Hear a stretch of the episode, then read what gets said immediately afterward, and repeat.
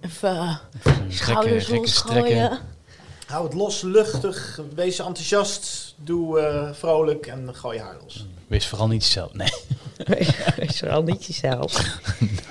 Gemeen, Rick. Welkom bij Binge Watchers, de podcast over series door echte seriefreaks Guido Tienhoven, Kevin Goes en mijzelf, Charlene Hezen.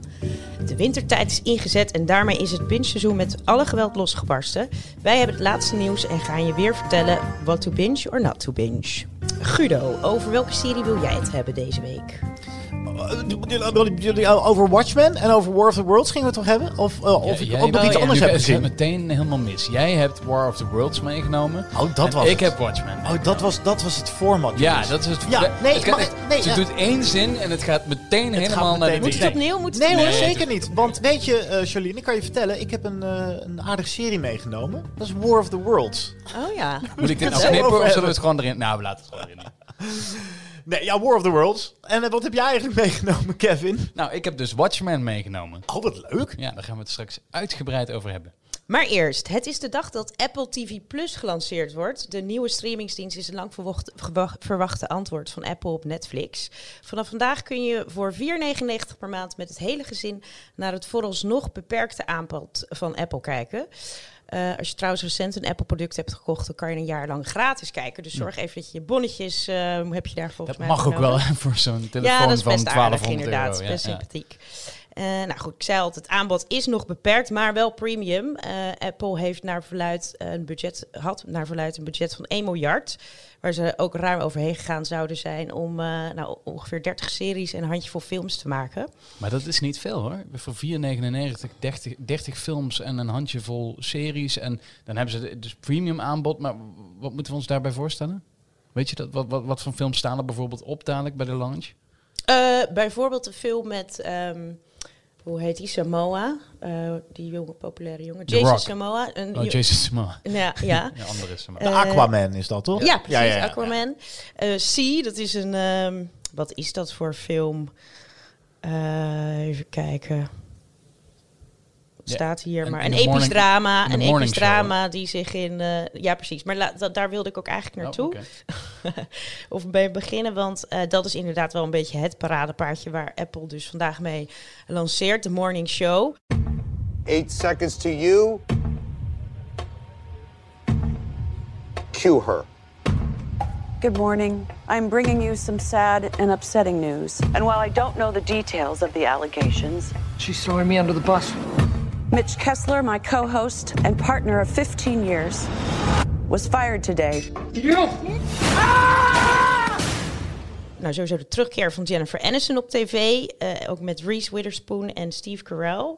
Over een Amerikaanse ontbijtshow waar de presentator verwikkeld raakt in een MeToo-schandaal. Het is een ver- verhaal dat eindeloos veel vergelijkingen kent met eh, dat van Matt Lauer, de eh, bekende presentator van de Today Show. Eh, nou, die dus ook, as we speak, hevig onder vuur zit voor allerlei vieze praktijken.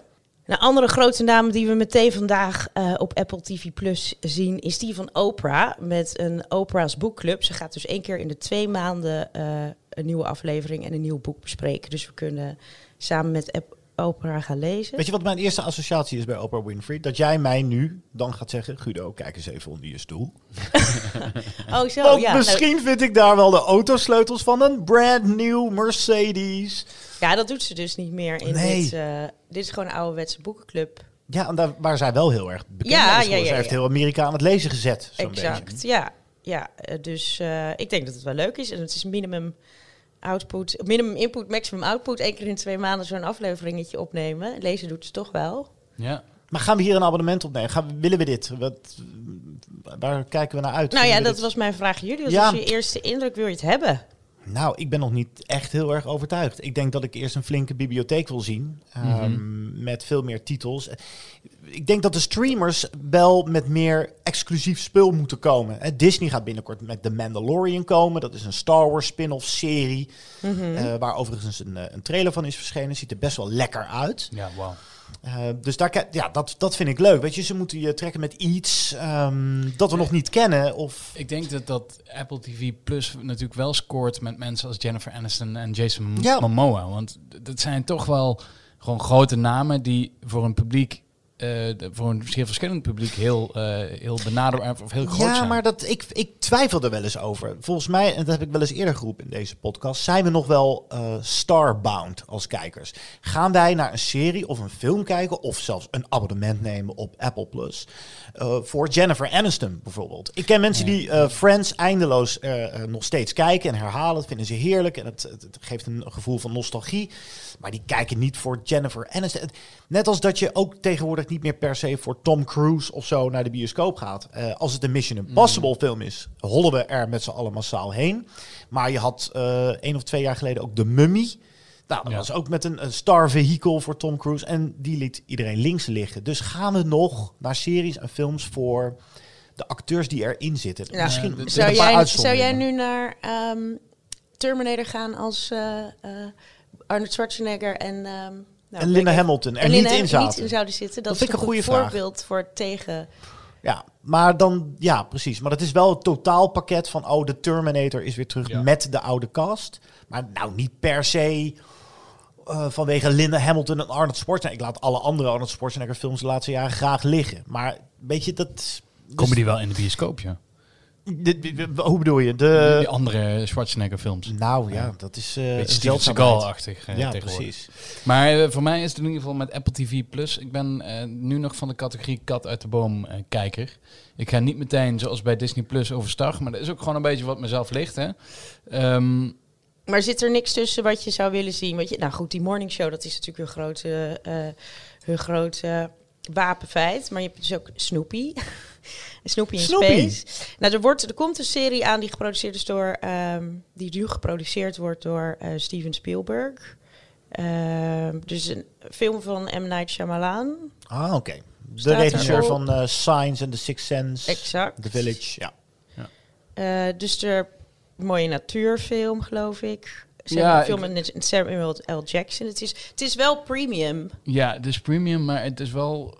Ik voel me wel al een beetje verzadigd met al mijn abonnementjes die ik op dit moment Ja, heb. En ik weet niet of ik hier nog tijd en zin in heb om me hier nog in te verdiepen. Wat natuurlijk een hele slechte uit- uitspraak is voor een van de binge-watchers. Maar dus over een maand heb ik het waarschijnlijk. Maar eh, nu nog heel even niet. Wacht het een heel even af. Ik sprak net een eh, collega van ons, ik zal zijn naam niet noemen, eh, in de lift. En toen constateerden we met z'n twee dat er eigenlijk twee soorten seriekijkers of filmkijkers zijn eh, in het on-demand veld. Mensen zoals wij, wij willen per se die serie zien. En oh, hij is op HBO, dus moeten we naar HBO. Of het is op Netflix en we moeten naar Netflix. En je hebt een groep mensen die hebben gewoon één abonnement. Bijvoorbeeld een Netflix abonnement, zoals die collega. En die kijkt daar wat er, wordt. wat er wordt aangeboden. En kijkt daarnaar of niet, als het eh, naar zijn gading is. Ja, Eh, vergis je niet. Hè. Er zijn maar heel weinig mensen zoals wij. Ja, wij, wij zijn niet misschien de nulmeting. Af, eh, afzoeken naar van, hé, hey, daar komt een serie en die is van die en die acteur zit daarin en dat is dat verhaal en dat moeten we dus zien. Ehm, ik denk dat het merendeel van de mensen gewoon kijkt van, hé, hey, Netflix heeft een nieuwe serie. Ja, precies. Laat ik dat eens gaan kijken. Ja, ik denk dat dat eh, zeker zo werkt. Of eh vergissen wij ons, Charlene? Ik, zie je ons bedenkelijk aankijken. Hmm. Ja, ik zit ook erover na te denken. Maar je kan het ook zo zien. Stel dat jij de nieuwe film van eh M. Night Shyamalan wel zou willen zien. En je koopt voor 5 euro. In plaats van dat je met, met je vriendin voor, voor 40 euro naar de bioscoop gaat. Koop je voor 5 euro per maand. En dan kan je al dus een half jaar daarnaar kijken. Ik bedoel, als je het zo weer bekijkt, dan is het eigenlijk een hele, een hele makkelijke eh, aankoop. Als je met het hele gezin naar de bioscoop gaat, dan heb je bijna al... eh, Ja. en je te- hoe dat, hoeveel dat Vind ik een goed heb je het ja. hele heb je Oh, huur een half alweer bijna jaar betaald heb voor. Je er al, heb je er al, kijk er hier al uit. De Dus drempel wat dat, ligt laag. wat dat Ja. betreft is het natuurlijk... eh, als er echt iets te zien is eh, waar jij wel voor denkt van... ehm, daar stap ik voor. Kijk, ik ben wel, gewoon wel heel erg nieuwsgierig naar die eh morning show uiteraard. ja, dat vind ik ook wel interessant. En ehm, nou, er komt nog wel eens... pro- ja, en de kwaliteit. En sowieso, ik ben een Apple-persoon die gewoon alles... eh, ik heb ook al een HomePod en ik wil gewoon alles van Apple hebben. Ik ben, I totally buy into the... Ik ben zo, Scam. zo niet thuis in Apple dat ik het woord HomePod, dat, Ja, dat, is de... moet ik aan War of the Worlds denken trouwens. Maar de, dat is het de, de, hoe noem je dat? De smart, eh.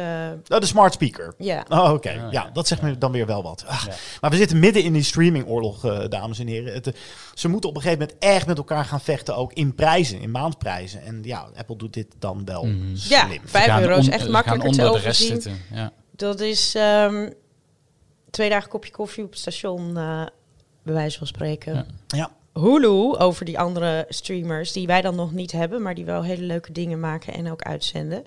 Die komen met een ehm, remake van de cultklassieker High Fidelity uit 2000 met John Cusack en Jack Black. En eh, dat wordt dus nu een serie met Zoe Kravitz, eh naar wiens moeder Lisa Bonet, die ook in de originele films, eh, film zat. Eh, Kevin, jij had een heleboel emoties bij dit nieuws. Ja. Ik ook wel trouwens, ja. Maar jij mag eerst, Kevin. De verserificatie van films die populair waren begin 2000 en zeker door Hulu, verschrikkelijk. Nou, ik vind dit echt, dit soort... Statement. High Fidelity is een klassieker. John Cusack, Jack Black, Lisa Bonet, maar gewoon nog, nog veel andere grote eh, mannen die erin spelen en vrouwen. Ehm, die kan ik elk jaar kijken. Het gaat namelijk over de top 5 van dit, top 5 van dat, top 5 van dit. En John Cusack speelt een enorm grote muziekliefhebber. Maar die mensen zijn die rol. En dan komt Hulu weer met dit idee, laten we dit ook weer uitpakken. Net zoals met Four Weddings and a Funeral, die ze afgelopen jaar verkracht hebben. Laten we het zo maar zeggen. Ehm, Wauw. en dit gaan ze ook weer. Kijk, Zoe Kravitz hartstikke leuk hoor, maar die kan niet tippen aan haar moeder. De sexyheid van haar moeder in die rol van toen. Dat, dat gaat zij niet doen. Oh, Misschien speelt ze ook wel iemand heel, heel iemand anders. Oh, maar Eh, Zoe Kravitz is wel een talent. Ik wou net zeggen, en Ja, ook bloed maar- mooi. Mooie meid en een Big Little Lies, daar is ze Ja. heel erg goed in. Eh, de- zij kan wel wat. Ik denk dat Maar- zij misschien wel groter gaat worden dan haar moeder. Kom gewoon met originele ideeën. Ja. Want dit is ook Hulu is nu al voor de zoveelste keer zijn ze een idee wat al geweest is, wat goed gedaan is, wat mooi gedaan is, gaan ze het nu weer opnieuw oppakken. En Ja. ik weet dat ik ook een parochje aan het preken ben, terwijl ik zelf ook een serie heb meegenomen die ook een film is geweest. En Guido heeft ook eh, een, een, een serie meegenomen die een eh, film is geweest. En ik kijk ook misschien wel een beetje uit naar The Lord of the Rings. En dat wordt ook een serie van HBO. Dus Ja, dus je spreekt jezelf wel een beetje tegen. soms... Heel goed. Ja, Ja, je bent me net voor. ja. Nee, maar ik, het is wel zo dat... ehm, waar we het zo over gaan hebben, Watchmen, dat is, eh, daar kun je verschillende kanten, daar kun je verschillende interpretaties op loslaten. Of zo. En dat is ook bij War of the Worlds het geval. Mhm. Maar High Fidelity is een hele specifieke film. Overigens, er zijn wel uitzonderingen. Ik bedoel, Fargo is echt eh, een geniale serie geworden.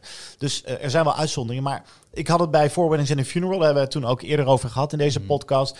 Ja, je had die serie ehm, ook een andere naam kunnen geven. En dan had je hem waarschijnlijk beter gevonden, Ja. omdat je het niet steeds koppelt aan dat wat je al kent. En dat je het steeds langs die meetlat eh, En dat legt. gaan we met dit ook Maar doen. waarom doen ze het wel? Omdat je boven het maaiveld moet uitzien te steken in deze streamingoorlog en filmoorlog en televisieoorlog. Dus plak er een bekend label op.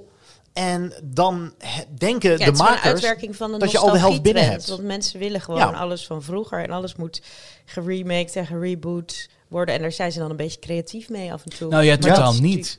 Vind Nou ik ja, juist. Het is- ja. het is- het- het- Nou, soms, soms wel. het Bij Fargo. Aan, aan, ja, en het, zeker Fargo heb je gelijk in. Maar het ontbreekt aan creativiteit om... ehm, en ik denk ook dat het vooral ligt aan het feit dat ze het met comedy, do- comedies doen. Fargo is natuurlijk een thriller. Of eh, meer een drama. Ehm, nou, Watchmen, eh, War of the Worlds zijn echt eh, thrillerverhalen, eh, actie. Lord of the Rings, fantasy. Nou ja, dat, dat, dat leent zich om uitgebreider te doen. Maar het verhaal van High Fidelity is gewoon van begin tot eind af. Comedy, hartstikke leuk. En de mensen die in die, in die film zaten, die maken die personages. Terwijl de personages van Watchmen, ja, die komen uit een comic. De personages van War of the Worlds, ja, elke keer gebruiken ze andere mensen. Dat is niet eens, dat is gewoon een, een leidraad om een film of een serie over te maken. Ja. Fargo net zo goed. Dat zijn ook niet dezelfde eh, personages als in die film. Klopt, daar wordt meer het kapstokje gebruikt eh, voor andere soorten verhalen. Eh, misschien moeten we dit blokje afsluiten door te zeggen eh, wie High Fidelity de film nog niet gezien heeft. Het is ook een van mijn favoriete romantische comedies. Ook misschien wel, ik heb het laatst ook aan iemand aangeraden. Dat is nou echt een romcom voor de man. Ja. Het, het- er staat een man centraal en het gaat over zijn liefdesleven en hoe hij terugblikt op zijn liefdesleven. En het is, het is zo gevat en, en grappig en ook romantisch. En ja, eind, eindeloos quotable. Precies wat jij zegt, Kevin, die kan je elk jaar een keer aanzetten. Echt Ja. categorietje Big Lebowski. Zeker, ja. Ik heb ook nog ander nieuws, eh, Guido, waar je- jij stiekem, of eh, misschien wel helemaal niet zo stiekem, heel erg blij van zal worden. Forky, het wegwerpvorkje vorkje uit Toy Story 4, krijgt namelijk zijn eigen show op Disney+. Plus. Niet Kopen, waar. Forky. Dat wist ik nog niet. kopen. Nee, Forky, Forky. Asks, Asks, Asks a Question wordt een serie van tien shorts waar Forky ehm, eh, antwoord probeert te vinden op de grote vragen in het leven. Zoals wat is de liefde, wat is tijd? Guido, Ja, nee, je ik eerste ben- reactie. Trash. Ja, nee, ja precies. Trash. Oh, Toy Story 4 eh, van dit jaar. eh Forky ehm, in elkaar geknutseld door Barney, die ineens tot leven komt. Eh, een beetje een depressieve plastic fork, zou het, zou het kunnen noemen. Ik heb hem ook als avatar eh, voor, mijn, voor mijn Disney+. Plus. Maar weet je, eh, ehm, You Had Me At Short. Eh, dat vind ik een goed plan. Als het gewoon korte... Ja, dit is meer een, soort geintje, een soort bonus. Ja, drie, vier minuten. Ja, dat, dat Ja. vind ik, dat vind ik Ja. wel leuk. Dus Ja. ja, ik, eh, ik wist dit nog niet, dus je hebt me helemaal vrolijk gemaakt. Ja, Mijn en dag dat kan is, niet ik meer vind stuk. het toch wel interessant dat dat dus ook de vorm is waar ze voor kiezen, die shorts. Want dat wordt toch wel, is toch wel een interessante trend. Je krijgt dus eh, volgend jaar eh, een heel nieuw platform, eh, wat alleen maar shorts gaat uitzenden. Quibi Oh. heet dat. Ah. In 20 2020 wordt dat gelanceerd. Dat is opgericht door Jeffrey Katzenberg, dus de ehm, voormalige baas bij Disney. En hij heeft ook DreamWorks opgericht. Dus dat is best wel een... eh, een grote, grote jongen. En die, ehm, nou, er zijn allerlei producties zijn er nu voor bezig. Ook- Steven Spielberg, van Steven Spielberg tot Chrissy Teigen. En gaan er allerlei dingetjes voor maken. En eh, Quibi, een hele irritante naam vind ik zelf, maar staat dus voor Quick Bites. En volgens mij is het niets langer dan? dan... Nee, dit is dus een eigen, nieuwe eigen streamingplatform van die Katzenberg. En eh, ni- niets is langer dan 10 minuten. Dus het is een soort YouTube-achtig. Maar ik vind dat toch wel interessant dat daar Ja, dus duidelijk leuk. een bepaalde toekomst ligt. Dat je voor ieder moment, op ieder... Ja, ik, ik reis nu heel veel op en neer met de trein. Dus dan zie je wel echt gewoon Mhm. dat... Gewoon die, dat, dat consumeren van qu- ja, quick bites letterlijk. Moeten wij niet gewoon vrij vragen voor 2020? Ik- Volgens mij is dat een, bijna een, een must. Om alles te gaan... eh, maar ik vind dit wel leuk, want dit ehm, is weer dusdanig anders dan al die andere platforms. Het, is, het heeft Ja. een hele eigen Dit wordt dus eigenlijk premium YouTube. Want het er werken dus wel allemaal echt hele... En er worden ook hele mooie verhalen... Of heb ik dus ook veel korte verhalen aangekocht. Dat is ook leuk is voor de makers van korte films en korte verhalen. Want normaal was daar natuurlijk totaal geen markt voor. Dus het is ook een hele nieuwe markt. Dat daar kan je opeens wat mee verdienen tegenwoordig. Dus dat is ook nog... Weet je eh, al hoeveel het gaat kosten per maand? eh, voor de Nee, dat is volgens mij nog niet bekend. Wat Nee. hebben we ervoor over, Kevin? Hoeveel per maand? Ja, Twee euro. Shorts, 2 euro. Ja, prima. Ja, nou ja, goed. Oh, even af. 2,50. Later in de podcast komen we ook weer terug met onze inmiddels vertrouwde top 3. met de, als deze week de vraag: wat is jullie favoriete alienfilm buiten naar het eh, wezen, leven, thema film aller tijden? Oeh. lastig. Je hebt er zelf Ja. ook eh, één dan, Charlene, toch? Ze- ja, ja, ze- heb ik, heb ik, heb ik al. Goh. Ja. Laten we hem even inzinken. Dan gaan we naar de series van deze week. Have you seen this? What is it? Can you feel something? Can't you hear it? Helen! They. Come with me. Right now, you're gonna die. Are. Doing. Coming. Is it over? We beginnen met War of the Worlds. Niet te verwarren met The War of the Worlds. En dat is het buitengewoon verwarrend. Aanstaande zondag start op de BBC de driedelige miniserie The War of the Worlds. En gaat op Fox een nieuwe achtdelige miniserie van start, War of the Worlds. Ehm, uiteraard beide eh, gebaseerd op het klassieke buitenaardse invasieverhaal... eh, wat al 120 jaar wordt verteld. Een boek van G.H. Wells. Wells een- H.G. Wells. H, ja, H.G. Wells. Het was een hoorspel, een speelfilm, een musical en uiteraard ook de blockbuster met eh, Tom Cruise. Ehm, Guido, jij koos ervoor om te gaan kijken naar eh, de Fox War of the Worlds, toch? Om even eh, niet duidelijk... eh, Ja, Of heb je ze allebei toe? Nee, ik heb, ik heb The War of the Worlds en War of the Worlds. Eh, ik heb ze niet allebei gezien. Ehm, ik moet je ook heel eerlijk zeggen, ik ben als mediaverslaggever werd ik uitgenodigd door Fox slash Disney. Wat is tegenwoordig niet van Disney? Ik weet het ook niet meer. En die hebben me uitgenodigd om te komen kijken naar deze serie. En ik mocht een deel van de cast en de crew interviewen, Oh. wat erg leuk was. En ik ben wel geïnteresseerd. War of the Worlds, nou ja, dat is dus ook iets wat eh, echt al stok en stok oud is en telkens weer terugkeert. Iedere generatie heeft zijn eigen War of the Worlds, zou je kunnen zeggen. Dat was ook wel een beetje het gesprek of onderwerp van het gesprek toen eh, die dag in Parijs met, met al die mensen, waaronder Gabriel Byrne. Ja, Een acteur die we vooral kennen uit eh, Usual Suspects en de horror-hit Hereditary. En Elizabeth McGovern, die het grote publiek misschien vooral kent van Downton Abbey. Lijkt ja, me, ik toch? wel. Ja. Ja. Tenminste, ik ken mensen die Downton Abbey fan. Ik, ik heb het zelf nooit gezien, maar zij eh, schijnt daar heel erg leuk in te zijn. Ehm, dus ja, eh, ja, bijzonder. Dus nee, ik, ik was hier heel erg nieuwsgierig naar, maar ik wil ook heel graag die BBC zien. Maar eh, het verschil is dat de BBC-serie speelt zich echt af in de tijd waar het boek uit, uitstamt, 1800 Ah. zoveel. Oké. Dus echt in, de, in het Edwa- Edwardiaanse Engeland. En deze War of the Worlds, minus het lidwoord, is, eh, speelt zich af in het nu. Dat was verwarrend toen ik eh, op IMDb ging opzoeken van over welke serie hebben we het nou. Hè? Dan ga je naar War of the Worlds en dan kom je eigenlijk als eerste bij die BBC-serie. En ik denk, Ja. ik heb toch net iets gezien wat zeker niet in de Edwardian eh, tijd afspeelde. Dus Klopt, het is ja. niet alleen heel verwarrend. Ik denk echt dat Fox hier ook een probleem mee heeft. Ja. Want ik weet niet, ik, ik ging eventjes eh, mijn research eh, doen, mijn voorbereiding voor deze podcast, nog even wat namen en personages opzoeken enzovoort. En hoe weinig je vindt over Heel War weinig, of the Worlds. ja. En ook nog bijna geen recensies. Wat ze, wel eerste. wat ze wel goed gedaan hebben, is dat zij eh, op het Museumplein in Amsterdam hebben ze zo'n poot laten vallen die Ja. in de serie zit. Mooie eh, stunt. ja, een mooie stunt. Dat, dat je je eerst afvraagt van, wat ligt daar nou? Nou, dat is dus reclame voor War of the Worlds. Ehm, ja, ik, ik zap ook snel langs Fox. Ik denk dat iedereen dat heeft. Het zit op, op, op 10 of 11 zit het volgens mij. Op je eh, televisietje. op je Ja. televisie. Dus ehm, ja, de, de plaatsing van Fox is niet zo, eh, niet zo fijn.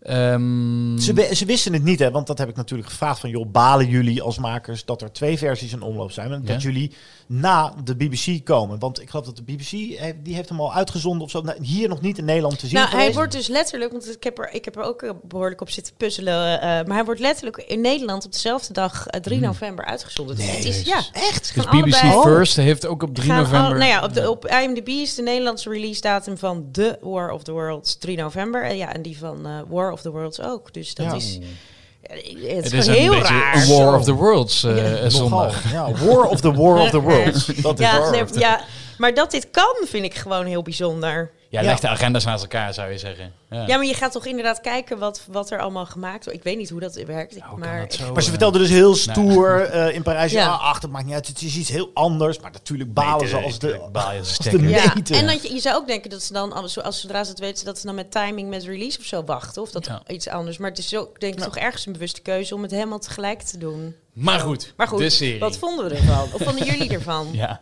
Eh, eh, eh, War of the Worlds hebben we dus nogmaals eh, over. ja. Ehm, van Fox, Ja. niet van BBC. nou, eh, barst jij eens los, Kevin. Jij mag het spits afbijten. Weet je waar ik heel We hebben trouwens de eerste twee De eerste afleveringen twee, gezien. ja. Ja. Waar ik enorm van baalde, is dat ik drie weken moet wachten op aflevering drie. Oftewel, je bent enthousiast. Ik vond het, eh, ja, ik vond het vet. En eh, het is met spanning opbouwen. En ik dacht op het begin dacht ik van, oh, heb je weer zo'n serie die met geluid gaat proberen om de spanning op te bouwen en je geboeid probeert te houden. En ik merkte na, na aflevering 1 dat ik meteen door wilde naar aflevering 2. Dus dat is goed. Ik heb niet op mijn telefoon gekeken. Ook altijd een pre bij, eh, eh, bij een serie. En ehm, het is verfrissend dat het dus een keer niet in Amerika is. Klopt, het is een hele Europese serie. We volgen Ja. eigenlijk verschillende personages in dit verhaal. eh, waaronder eh, de- nou, een wetenschapper in de Franse Alpen. Die eh, dat signaal voor het eerst oppikt. Een buitenlands signaal. We zitten in Londen, maar we volgen ook bijvoorbeeld een gezin waarvan het dochtertje blind is. En die, nou, die komen in een soort survival modus terecht als de aliens eenmaal hebben aangevallen. Eh, maar ook een immigrant, een gozer die eh, van Calais, Calais eh, meegegaan is op een ja, zo'n zo'n Ja. container Ja. waar hij dan zich in verstopt. Dus, en wat mij direct opviel, en ik denk dat dat heel belangrijk is om te melden. War of the Worlds wordt vaak geassocieerd met, eh, geassocieerd met actie en spektakel. De Steven Spielberg film waar jij al als Jolien eh, net naar verwees met Tom Cruise. Nou, dat, dat was inderdaad een, eh, een grote, dikke Independence Day-achtige blockbuster. Dat is dit helemaal niet. Nee, Dat is de van. grote verrassing. Er ehm, zit wel wat aan actie en spektakel in. En misschien komt dat ook later in de serie. Maar dit is een film die dat ehm, eigenlijk op een, op een tweede, misschien zelfs wel derde ehm. Plaats eh, zet en zich echt focust op. ehm, Het menselijk verhaal. ja, Ja, het is en een het tra- nogal traag menselijk drama. Ja. En survival het is heel gaaf. belangrijk in, in die eerste twee afleveringen. Je merkt echt eh, eh, dat dat ja, wel echt bovenaan staat. Van hoe overleef je als mens eh, iets waar je totaal geen grip op hebt. Want dat, dat merk je ook wel. Ze, zijn, want in War of the Worlds, de film, gaat het toch vrij snel weer dat, dat, dat je ziet dat de mensheid toch weer een idee krijgt om eh, deze eh, aliens aan te vallen. Maar bij deze twee eerste afleveringen krijg je gewoon het gevoel, wij zijn ver, maar dan ook ver in de minderheid tegen deze grote overheerser, deze grote aanval. En ja, hoe we dit ooit hier weer bovenop gaan komen, ik heb geen idee. Ik ben ook benieuwd hoe ze dat aan gaan pakken. Ja. Ehm, maar spannend is het zeker. En, en, En dan goed ben ik ook. benieuwd, is het jullie idee, als je, je hebt natuurlijk een beetje fantasie over wat, hoe buiten als we dan worden aangevallen, hoe dat dan zou zijn. Strookt dat een beetje met wat jullie, eh, jullie daarbij voor zouden stellen? Of is het, nou, volgens mij gaat het heel anders. Want, Mm, Nou, ik denk wel dat deze serie heel erg ehm, geïnteresseerd is in hoe zou de wereld van nu, eh, 2019, as we speak, reageren op een alien-invasie. Eh, en dat vind ik wel een interessant gegeven. Daardoor zou je de alien-invasie ook natuurlijk weer wat meer metaforisch kunnen opvatten. de, de aliens zouden ook eh, kunnen staan voor climate change. ja, de gezamenlijke. Ja. vijand. Ja. En dat is wat heel erg de geest is van deze serie. Op een gegeven moment, Gabriel Byrne speelt een man die heel graag eh, zijn ex wil terugwinnen. En terwijl hij haar probeert te redden als eh, de wereld eh, bijna vergaat, dan, eh, dit is, vind ik geen spoiler, want het zit echt in het eerste kwartier zo'n beetje van aflevering 1. Eh, haar nieuwe partner, ehm, nou, hij slaat hem niet dood, maar er, er vindt een ongeluk plaats. En waardoor die, nou, die man helaas, ehm, nou, hij valt van de trap. En hij besluit dat verborgen te houden voor zijn ex. Eh, eh, Ik vind dat dit toch best wel veel spoiler is, wat je hier vertelt. nou ja, goed, maar dat is de hele spanningsboog waar deze eh, verhaallijn zich op focust. Kunnen die twee weer bij elkaar komen? En Ja. kan hij het volhouden dat hij heeft gelogen? Eh, want zij, weet, zij ziet hem op een gegeven moment wel dood liggen en schrikt daar verschrikkelijk van. En zij vertrouwt eh, haar ex niet van, joh, wat, wat heb je gedaan met hem? Eh, maar hij besluit, nee, dit is, dit is helemaal buiten mijn schuld om gebeurd. Maar om maar even aan te geven, dat, ehm, die spanning, die humane spanning, is honderd keer belangrijker dan wat die aliens uitvreten. Ja. Ja. Als je dat niet ziet zitten, dan moet je ehm, nou ja, of je verwachtingen ernstig bijstellen, of nou ja, misschien naar die BBC War of the Worlds gaan kijken. Maar ik vond dat eh, verfrissend. En inderdaad, het heeft absoluut niet het gang-ho, vlaggewapper, Amerikaanse fuck yeah gevoel. Eh, daar gaat deze serie helemaal niet voor. Er, wordt ook, er worden in verschillende talen gesproken. Het is traag van opbouw. Het is ehm, veel desolate eh, eh, ehm, landschappen. En, het, het heeft, en op een gegeven moment in aflevering 2, daar komt dan ook een beetje een wat horror element. Daar moet ik dan niet te veel over verklappen. Maar er, ja, daar zit wel degelijk een hele mooie, zorgvuldig opgebouwde spanning in. Wat mij ehm, eh, wel een beetje tegenviel, eh, dat in aflevering 1, dan ehm, krijgen ze dat signaal natuurlijk binnen. Hè, voor de eerste keer eh, alien contact. En ze weten ook eigenlijk al vrij snel van, dit is buitenaards, want dit geluid kunnen wij niet creëren op aarde. Ehm, ik kan mijzelf niet voorstellen dat de Verenigde Naties of, of, of eh, de NAVO of zo, die, die hier dan ook in centraal staan, Ja. zo snel overstag zouden gaan dat het allemaal waar is. En daar vind ik dat het heel snel, eh, dat is natuurlijk een, eh, ja, een filmdingetje of een seriedingetje, dat je hè, moet geloven dat het zo zou zijn. Ja. Maar daar zit voor mij nog wel Hoe iets doe je van... overstag gaan dat ze toegeven dat, Ja, het, nee, dat, het aliens zijn ja, aan de dat- wereld? Dat ze het meteen geloven en dat het eh, eh, meteen ook Oh, dat ze niet gewoon- wijdverspreid ja, ja. in de media eh, overgenomen wordt. Ja, dit, dit zou normaal weken, zo niet maanden Ja, dat duren voordat, het is wij... eh, typisch een film slash serie dingetje om de plot maar een beetje Ja, uit te doen. Want ja. in principe zou je ook kunnen zeggen, het is knap dat ze het er wel in hebben verwerkt. Dat de Ja. VN nog even twijfelt of ze de mensheid moeten inlichten, omdat ze nog geen 100% zekerheid hebben dat dit inderdaad eh, levensgevaarlijke aliens zijn. Het zijn levensgevaarlijke aliens. Spoiler alert, Ja, ze dat- hebben niet het beste met ons voor. Helaas, weer niet, weer niet. Ze zijn weer niet aardig. Nee, precies. Maar ik vond, ik vond het wel lekker hoor. En het wil echt eh, heel duidelijk de tijdsgeest eh, van nu vangen. Dat is ook interessant. Het is wel wat traag. En eh, ik ben niet zo enthousiast als jij dat bent, Kevin. in de zin dat ik echt heel erg de urgentie voel om zo snel mogelijk de volgende aflevering te zien. Ik vind dat dat, dat wel iets beter kan nog. Maar dit zou wel eens zo'n slow burner kunnen zijn. Weet je, dat je na aflevering 4, 5 zo bent ingepakt dat je daar wel naar smacht. Dus dat, er zit ontzettend veel potentie in die eerste twee afleveringen. Ja. Met alle eh, chapeau voor de makers ehm, die, die er echt voor hebben gekozen tegen draadse serie te maken. Een soort anti-War of the Worlds Ja. bijna te maken. Dat vind ik heel leuk. Ik vind het trouwens nog aardig om even te vermelden. ehm, de regisseur van de eerste paar afleveringen is een Vlaming. Dat vind ik gewoon leuk. En dat is een, een groot nieuw talent. Eh, ik heb zijn naam even opgegeven. Gilles Coulier. En er zitten wel wat meer ehm, eh, Benelux touches in. Oh ook ja. qua camerawerk. Nou ja, goed. Dat vind ik dan weer leuk. Maar nou, en wanneer kunnen we jouw interview eh, lezen? Even zien. Ja, nou, als je dit ehm, eens even kijken op drie. Ik moet het even op zo'n manier zeggen dat de luisteraar eh, niet denkt. Vanaf ehm, 2 november op de site. Ja, zo moet ik het zeggen. 3 november is deze serie te zien op tv. En eh, de zaterdag ervoor, dus 2 november, dan eh, staat mijn verhaal met eh, de mensen die ik gesproken heb in de krant. Oké. En op de site ad.nl. De tweede serie die we deze week bespreken is Watchmen. People who wear masks are driven by trauma. They're obsessed with justice because of some injustice they suffered. Ergo, the mask. It hides the pain. I wear the mask to protect myself. Right. From the pain. De eerste twee afleveringen zijn, eh, van, van dit eerste seizoen zijn nu te zien bij HBO. Het wordt totaal negen afleveringen. Ik zag Regina King voorbij komen. Ik zag Don Johnson. Ehm, Kevin, vertel. Ja, Watchmen. Eh, de Watchmen is natuurlijk ook iets wat al veel langer bestaat dan deze eh, serie. Watchmen is een comicboek van Alan Moore uit de jaren 80, 1986 volgens mij eh, uitgekomen.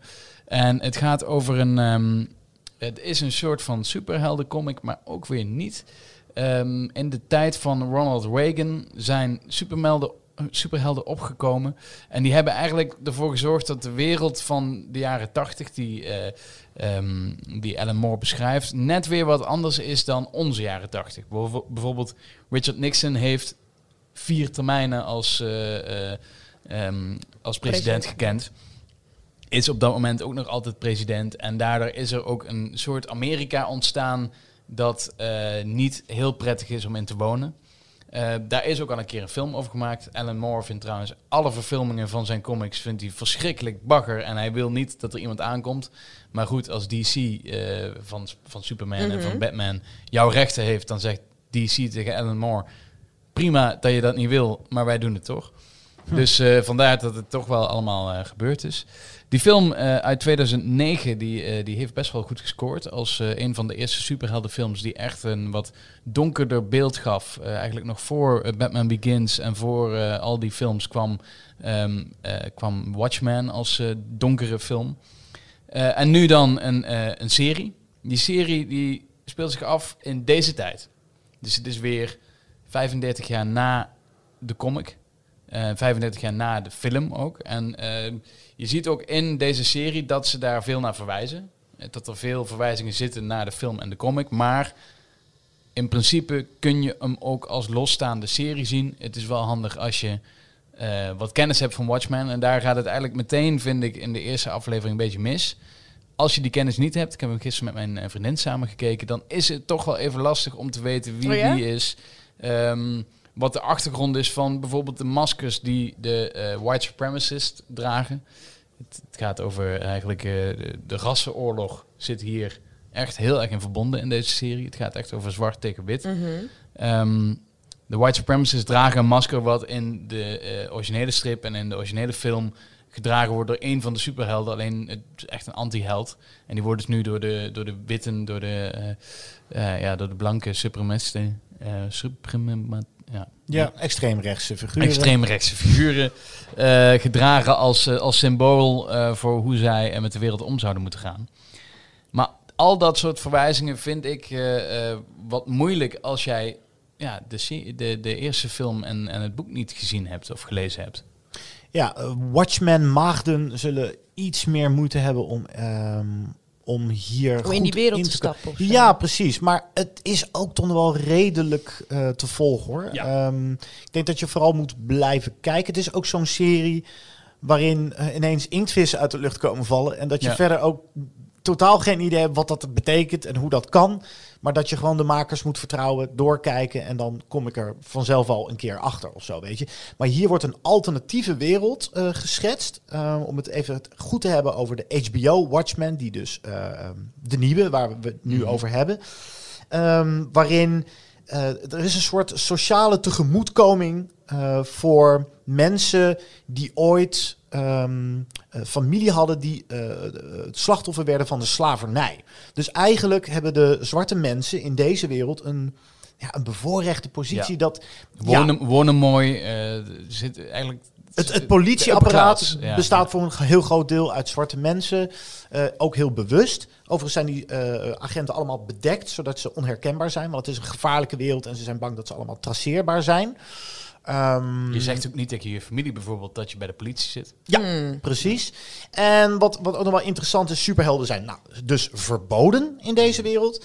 Ehm, de, Robert Redford is de Amerikaanse president. Oh, leuk. Dat is opvolger van Nixon, Ja. eh, na heel veel termijnen. Ja, maar En geen mobieltjes. Niet de acteur, hè? Niet, niet de acteur Robert Red- Redford, eh, zeg maar, dat hij de president... Nee, Robert Redford zelf. Robert Redford zelf is de president. Als- Meta.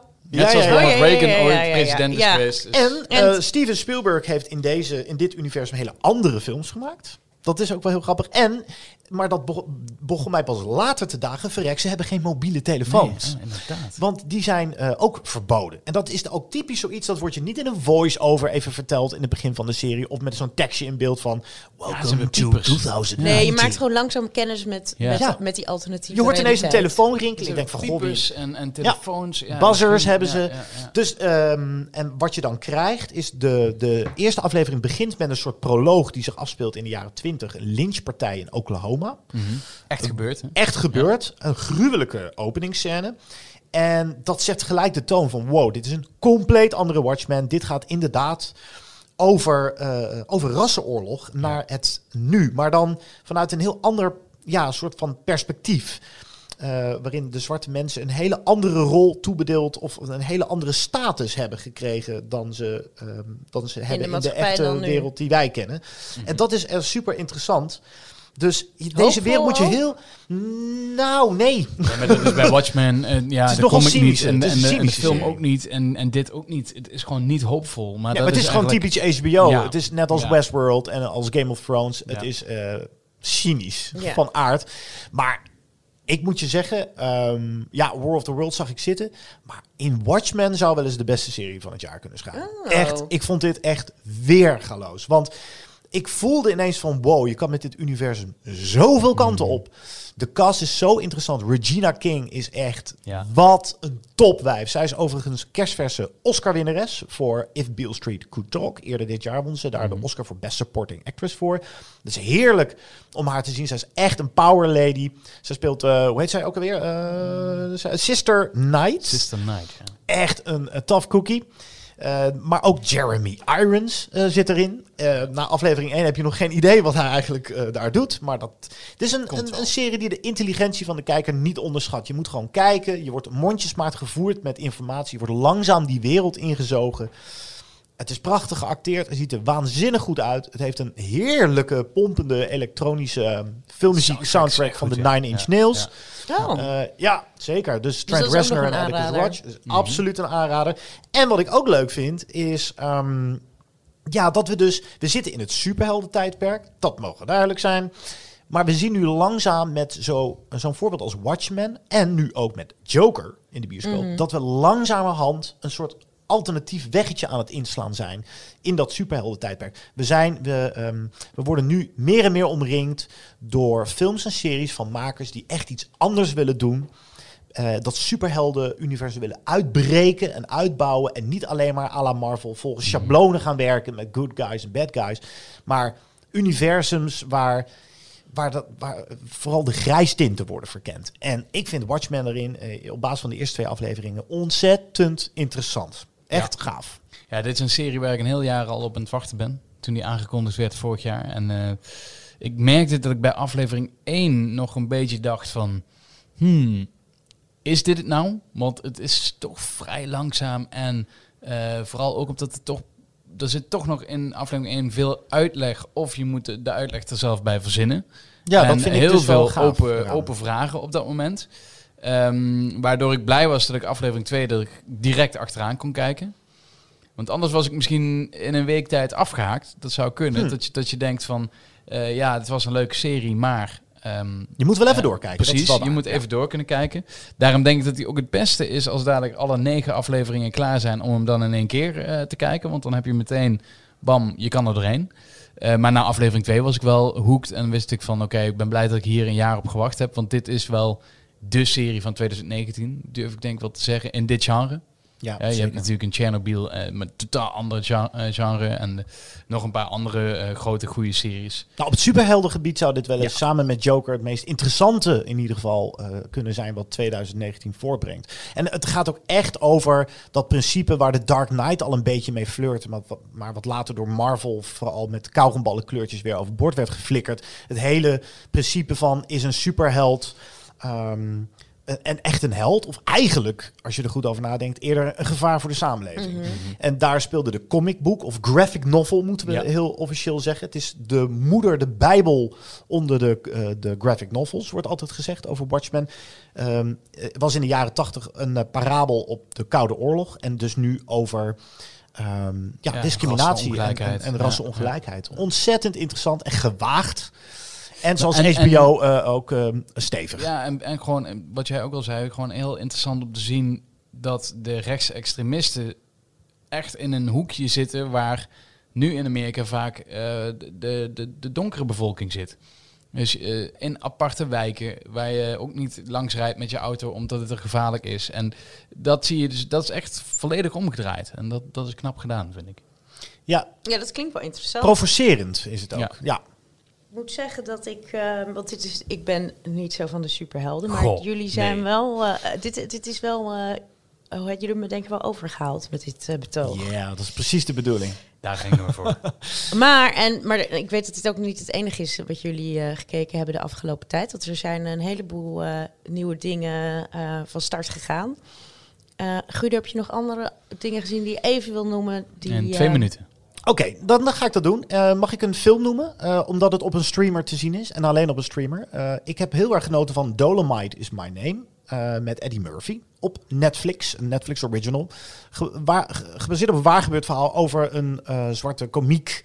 Die... ehm, die had ontzettend grove humor. En dat was zeker toen iets baanbrekends. Super chockerend. ehm, maar vooral de Afro-Amerikaanse gemeenschap zag dat als een soort van tegenbeweging tegen alle veilige, brave, witte humor. Zal, laat ik het zo maar neerzetten. Cosby-achtige humor. En eh, hij wordt dus gespeeld door Eddie Murphy. Ehm, Rudy Ray Moore heet die man. En die bedacht dan al als alt, eh, alter ego de pooier Dolomite. Die in een eh, soort van rijmvorm grove grappen vertelt. En het schijnt, dat wist ik helemaal niet, dat leerde ik op basis van deze film, dat hij dus min of meer een soort grondlegger voor de moderne rapmuziek was daarmee. Vanwege die rijmvorm. En het leukste is, na een uur begint de film pas echt. Want dan besluit deze Rudy Ray Moore... Oké, ik verkoop nu veel platen en er komt veel volk op mijn comedy shows af... maar ik wil nu eigenlijk een eigen film maken. Ik wil een Dolomite film maken. En hoe hij dat met wat mensen, wat goede vrienden doet... En met handen en voetenwerk en ontzettend knullig. En daar moet natuurlijk kung fu in en er moeten boobies in. En eh, een- met een glansbijrol voor, eh, hou je vast, Wesley Snipes. Die Ja. speelt de regisseur van de film Dolomite Mhm. binnen deze film. Dus de film die ze aan het maken zijn met z'n allen. Nou, hij is echt een giller. Alleen daarom zou, zou wel- dat ik dat ook nog eens zou zeggen dat je voor Wesley Snipes een film zou aanzetten. Ik heb echt onwijs genoten van Dolomite is my name. Check it out op Netflix. Ja, top. Ja, ik heb hem ook gezien. Ik, ehm, ik ben... Oh, je bent heel wat minder enthousiast, of Ja, niet? ietsje, nou ietsje minder, maar ik, ben- ik, eh, het, het is eigenlijk nu de eerste soort van start van de grote comeback van Eddie Murphy. ja, ja. Dus, dat, eh, dus ik ben benieuwd. Ja, ik kijk iets meer uit nog naar dan Coming to America wat dat betreft. Maar dit, is- ik vond het ook wel eh, Het is een leuk film. een... ja, zeker, zeker. bruis van de energie. En Eddie Murphy is weer terug op het niveau waarop je hem wil zien. Namelijk echt, nou ja, bijna trillen van enthousiasme en dynamiek. En eh he's on fire. Ehm, Kevin, wat heb jij afgelopen tijd... eh, heb jij nog titels gezien die je even moet noemen? boe- ja, Daybreak. Ben ik aan begonnen. Wat is dat ook weer? Eh, Daybreak is een, eh, eh, een, een zombie-serie eigenlijk van, van Netflix. Dat is een... eh, Nog een- meer zombies. Nog meer zombies. Ja, waarom niet? Want je hebt Little Monsters nu in de bioscoop. Je hebt Ja. eh, Zombieland 2 binnenkort in de bioscoop. eraan, ja. Allemaal. Je Ja. had van Jim Jarmusch The Dead Don't Die dit jaar in Ja. de bioscoop. Allemaal Ja, zombies. Het is hip. Zombies zijn hip. Eh, Daybreak is een serie over een, een, waarin alle jeugd is blijven leven. En alle oudere mensen, eh, boven de 18 volgens mij, zijn gezombificeerd. En, ehm, Wauw, wel goed en gevonden. het, het enige wat zij nog kunnen zeggen, die zombies, is het allerlaatste wat ze ooit gezegd hebben. En dat zijn van die zinnen als eh, ruim je speelgoed op. Of eh, oh, ik moet oma nog even teksten. of en eh, luister de volgende keer weer naar Binge Watchers. Binge-watchers. ja, precies. Dus wij zouden ook alle, alle drie prima zombies zijn in, in dat opzicht. Matthew Broderick zit erin. In terugblikken ook natuurlijk, want die is wat ouder dan 18. Maar daar zitten veel verwijzingen in naar Ferris Bueller, naar ehm, Zombieland. eigenlijk alle high school films die er bestaan en series. Melige comedy, meer dan Ja, iets serieus. Dus het is eh, gewoon en ik weet nog niet of ik doorkijk. Maar ik was wel best geboeid door aflevering 1. Oké. Dus Waar is het te zien? Netflix. Netflix dus. Ja, Ja, goh. ja, ja. Er is zoveel op Netflix, joh. Ik Niet hou het niet meer zoveel, bij. normaal. En dan moet ik er nog een abonnement bij nemen. Sponsoring, hè? Nog steeds. Zijn we nog steeds mee bezig. Charlene, ben je er nog? Ja, zeker. Oh. Ja, ik heb Living With Yourself eh, gezien. Die, Oh, eh, ja. De nieuwe eh, Netflix-serie met Paul Rudd. En ehm nee, Eh, dat is eigenlijk een beetje een kort samenvatting van Ain't got mij. no time for this. Waar gaat het over? Wat, wat, Het doet me qua verhaal is het heel erg acht, Russian Doll-achtig. Dus het is een beetje een ehm, dus, ja, categorie fantasy, comedy. Er wordt een soort alternatieve realiteit ook gecreëerd. eh, die je dan, eh, eh, wat ook weer metaforisch is voor hoe je zelf in het leven staat. Dus heel veel, in heel veel dingen is Hij het best wel een beetje. Ja, oh, sorry, ja, hij kloont zichzelf. oh ja. Maar qua, wat dat is dan het fantasy eh, element. Maar ik vond, vind je niet dat het uit dezelfde la komt als eh Ja, ik ben Russian eraan begonnen, maar na twee minuten eh, was ik zo geboeid door een tekst die ik in mijn telefoon kreeg, die totaal niet boeiend was, dat ik merkte van, nou ja, misschien En moet ik deze je serie even Paul iets Rudd later kijken. meer En toen ben ik niet meer terug begonnen. Dus. nou goed. Ik ben heel benieuwd wat er dan in, nou ja, op dat Ja, appje ja. stond. Ja, je suggereert ja, alsof ja, daar echt iets waanzinnigs in stond. Nee, dat was dus niet zo. Oh, juist Nou ja, niet. Waardoor nee. je, dat je zelfs door iets heel simpels werd, dat, dat bedoel je mee. Ja. Goh, ik heb wel gelijk al een raar idee. Ik, ik was Ja, ook nieuwsgierig, maar daar zijn we journalisten voor misschien. Misschien. Ehm, zijn er ook nog dingetjes die op de rol staan, Guido, waar jij je hartjes omheen hebt gezet in je agenda? Ja. Poeh, nou, ja, de volgende aflevering van Nee, Watchmen. Nee, we kunnen er maar eentje noemen. Oh, is dat zo? The Crown. Oh, dat, de, The Crown Oh ja, natuurlijk. ja, daar maand, ook echt zin eindelijk. Ja, 17 november. ja, en Olivia Colman als de nieuwe Elizabeth, die ehm, nou, ja, de meeste mensen misschien kennen uit The Favourite, waar zij nog een Oscar voor won dit Mhm. jaar. Ah, nog één ding noem Heel ik, gaaf. qua, qua wat er echt aankomt. End of the fucking world, deel 2. Oh ja, eindelijk een tweede seizoen. Ja. Ook aardig, mocht je dat nog niet hebben gezien, End of the Fucking World op Netflix. Vijf seizoen één. afleveringen, volgens mij 20 minuten, heel kort. Ja, daar ben je snel doorheen en het is echt afwijkend en eh, een beetje gewaagd. Het is echt, echt een beetje zwarte comedy, zou je kunnen zeggen. Ja. Gave serie. ben benieuwd hoe ze dat met een seizoen 2 gaan aanpakken. Nou, dan gaan we afsluiten met onze top 3. Oh jee. en dit keer is dat dus ons favoriete alien films aller tijden. Guido, had je er meteen in in gedacht of moest je echt even, echt even gaan malen? Nou, weet je wat ik altijd heb met dit soort eh, dingen? En het klinkt heel flauw. eh, is dat ik dan voor een klassieker wil gaan. Maar die kent dan iedereen al. Dus laat ik dat dan niet doen. Laat ik dan een Je wil een noemen- origineel antwoord geven. Ik wil een origineel antwoord geven. Niet eh, omdat, ik voor de origina omdat ik die originaliteitsprijs wil winnen. Maar omdat Hij ik staat mensen hier, wil... hè, de beker. Dus, eh, ik wil mensen gewoon aansporen om hem eh, te gaan kijken. Ehm, en dus ga ik voor Arrival van eh, Denis Villeneuve van een paar jaar geleden met eh, Amy Adams. Omdat dat eigenlijk breekt met alle alien invasion wetten die er zijn. Je moet eigenlijk zo min mogelijk over weten, maar de Arrival krijgt het voor elkaar om eh, het, jou het zweet ehm, te doen laten uitbreken. Of het- De zweetdruppels lopen al heel snel over je hoofd. Het wordt heel spannend opgebouwd. Een grote UFO à la Independence Day ineens over, nou ja, op aarde. En dan denk je, oh jee, daar gaan we weer. Het is een, een, een diep filosofische film. eh, die, eh, waarbij de aliens een totaal andere rol hebben. eh, en ook heel anders uitzien als je al van een concrete vorm kan praten. Dan in alle alienfilms die je ooit gezien hebt. En ik heb ook nog eens moeten huilen aan het einde. Omdat er, er zit... Oh. Ik vind serieus, ehm, er zit een... een Kan je je veel- voorstellen, Guido? Ja, nee, ik kan me ja. dat voorstellen. Ja, maar dit, dit- Bij elke serie trouwens. het helemaal... Dan ga ik ook bijna huilen. Ah. Nee, maar bij, bij twist moet ik altijd denken aan The Sixth Sense of aan The Usual Suspects. Maar een twist is eigenlijk zelden ehm, dat het voor ontroering zorgt. En hier zit een geniale twist in, waar sommige mensen echt baffled achterbleven in de bioscoopzaal. En de andere helft echt een, Brak, een, braken. Ja, brak. Braken, eh, eh, niet Oh. braken als in overgeven, maar echt, ehm, ja, nee, arrival. En, en dan word je naar huis gestuurd met een prachtige filosofisch dilemma. Eh, Arrival is echt door veel te weinig mensen gezien. Het zal niet ieders kopje thee zijn. Ehm, nogmaals, het is geen Independence Day. Weet dat. Maar oh, wat een mooie, bijzondere eh, en ontroerende film. Nou, ik denk dat. Amy Adams je een bloemetje stuurt na deze Daar ging ik ook voor. Ik ging helemaal niet voor die originaliteitsprijs. Ik ging voor het bloemetje van Amy Adams. En Kevin, wat is jouw... eh ik Ja, nu, kan nu me vind ik voorstellen dat het ik een ook, moeilijke nu moet vraag ik ook is. voor de originaliteitsprijs. Kevin, Ik, eh, Kevin. Ik ga niet die Empire Strikes Back noemen. Toch genoemd, hè. Maar, Is dat een eh, alien? Ja, tuurlijk is ja, dat natuurlijk een zijn alien. die van de... Het is alleen maar... Het ja. zijn alleen maar aliens. Maar eh, dan ga ik voor eh, Mars Attack. Oh, Oh, ja. oh, die vind ik leuk. Oh, Ja, die had ik ook willen leuk. bedenken. Ja. Ja, nee, Nu Mars Attack. jaloers. Ja, dat snap ik. Mars Attacks. Mars Attacks. Ja, Ja, die met was Jack zeker Nicholson leuk. en met, ja, met iedereen eigenlijk. Iedereen zit in die film. Ja. En die film is fantastisch. En ik ga er niet zoveel over zeggen, maar ik ga hem zien. Mars Attacks is eh, van Tim Burton. Ja. En het is gewoon een dol, dwaze... eh, het, is ge- het schijnt gebaseerd te zijn op kauwgomballenplaatjes uit de jaren 50 die je kon Oh ja. verzamelen. ja. Oh, mooi. En dit zijn eh alien... Ik, mijn moeder werd altijd helemaal gek van me als ik dat geluid van die Martians nadeed. Mag, mag ik hem doen? Ja, ja, Graag. Ja. Een soort overspannen eend. Ja. Geweldig. Attacks. Fantastisch. Ja. Fantastische film. Niet eentje die je elk jaar moet kijken.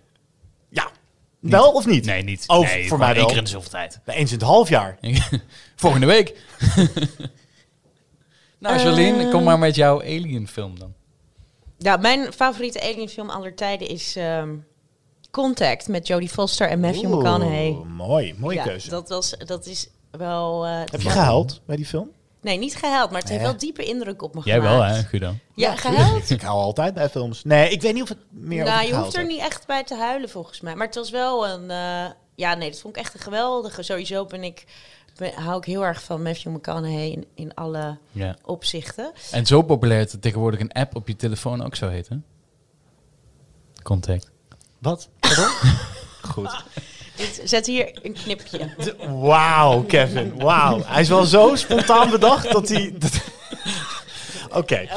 Wauw. Eh, Maar dit is een eh, mooie film, Charlene. Eh. En ook omdat je over die wormholes die ze daar laten zien, dat, dat wordt ook als je wel eens ehm eh, eh, Neil deGrasse Tyson of zo over het heelal hoort praten, dan, nou ja, goed, die, dat, het lijkt een beetje overeen te komen met ook met de relativiteitstheorie, et cetera, hoe het echt zou kunnen zijn. Althans, dat, zo gaat, werkt het dan in mijn hoofd.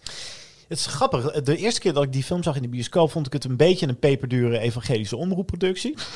Oh ja? Ja, Oh, ze hadden mij helemaal. Maar eh, dat is een film die ik bij een tweede keer opnieuw leerde eh, waarderen en zo. Dus ik vond, ja, absoluut. Nou jongens, dat was het voor deze keer. Eh, dit waren Guido Tienhoven, Kevin Goes en Charlene Heesen. Dit waren de Binge Watchers.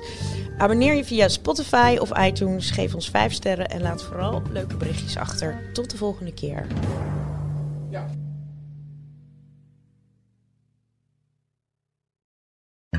Wereldnieuws gaat ons allemaal aan. Maar als het nieuws gaat over je stadje, je buurtje of je straatje, dan voel je, dit raakt. Daarom lees je in het AD alles over het nieuws in de wereld, Nederland en jouw regio. Download nu de AD-app en mis nooit wat voor jou belangrijk is. AD, altijd dichtbij.